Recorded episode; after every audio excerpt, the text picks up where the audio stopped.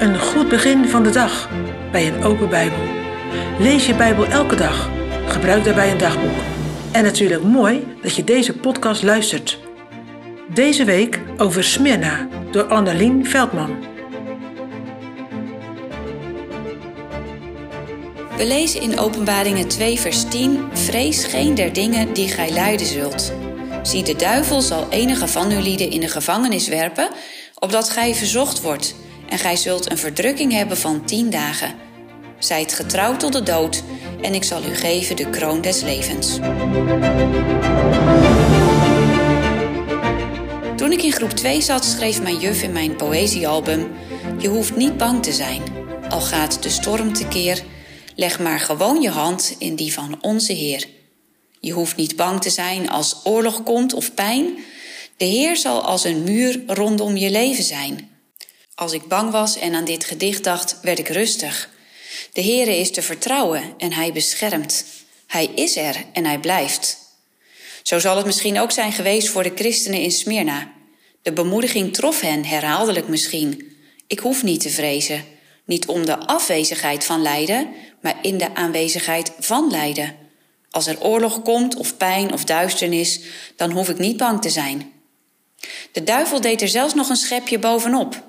De duivel? Ja, de duivel. Kijk maar in onze tekst. Hij gooide sommigen in de gevangenis om verzocht te worden. In eerste instantie las ik er eigenlijk een beetje overheen, maar we moeten er toch op letten. Wat wil dat zeggen als de duivel achter ons lijden zit? Denk eens aan Genesis 3, vers 15. Hij zit ook achter het lijden van de Heer Jezus. Nee, daarin heeft hij niet het laatste woord.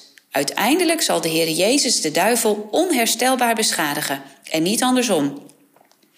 Zo mogen we het lijden van de christenen in Smyrna ook zien. Het gaat van lijden tot heerlijkheid. Ik hoor je zeggen, ik snap het niet. Hoe valt lijden te rijmen met heerlijkheid? Ik snap je vraag. En ik zou bijna even stil zijn om je na te laten denken over het antwoord. De christenen uit Smyrna lijden als volgelingen van Christus. Hij werd ook verdrukt, arm, gelasterd en gevangen genomen. En weet je wat ook overeenkomt tussen het lijden van Christus en de christen? Dat het lijden een einde kent. Jezus zei, tetelestai, het is volbracht. Nu heb ik alles gedaan wat nodig is om de mensen met God te verzoenen. Toen boog hij zijn hoofd en gaf hij zijn geest over in de handen van God de Vader. En toen? Als we ons realiseren wat de Heere daar deed, dan hou je je adem in. Zou zijn lijden, wat diende als betaling voor onze zonde, voldoende zijn? Is het trouw zijn van de Heere Jezus tot in de dood genoeg? Ja, wat een heerlijkheid. De Vader wekt de geest van God de Zoon weer tot leven. Christus staat op. De dood heeft Christus niet beschadigd. Nee, hij heeft de goede strijd gestreden en de loop geëindigd. En nu ontvangt hij de kroon des levens. Eeuwig, onverwelkelijk leven. Je hoeft niet bang te zijn, al gaat de storm tekeer. Al komt er oorlog of pijn of duisternis. Nee, door dat lijden heen, achter Christus aan, kom je tot heerlijkheid. En daarom roep ik je op te doen als christen in de christenreis van Bunyan. Stop je vingers in je oren. Want de raadgevingen van de wereld brengen je die heerlijkheid niet. Hou vol, achter Christus aan en houd je kroon voor ogen. Leven, leven, eeuwig leven. Misschien vind je deze podcast moeilijk. Ga je naar je gevoel bijna kopje onder in je lijden. Wat kun je dan bang zijn? En wat is het dan moeilijk om vol te houden? Luther kende het ook. Hij kende ook het middel ertegen. Psalmen zingen. Zing je mee?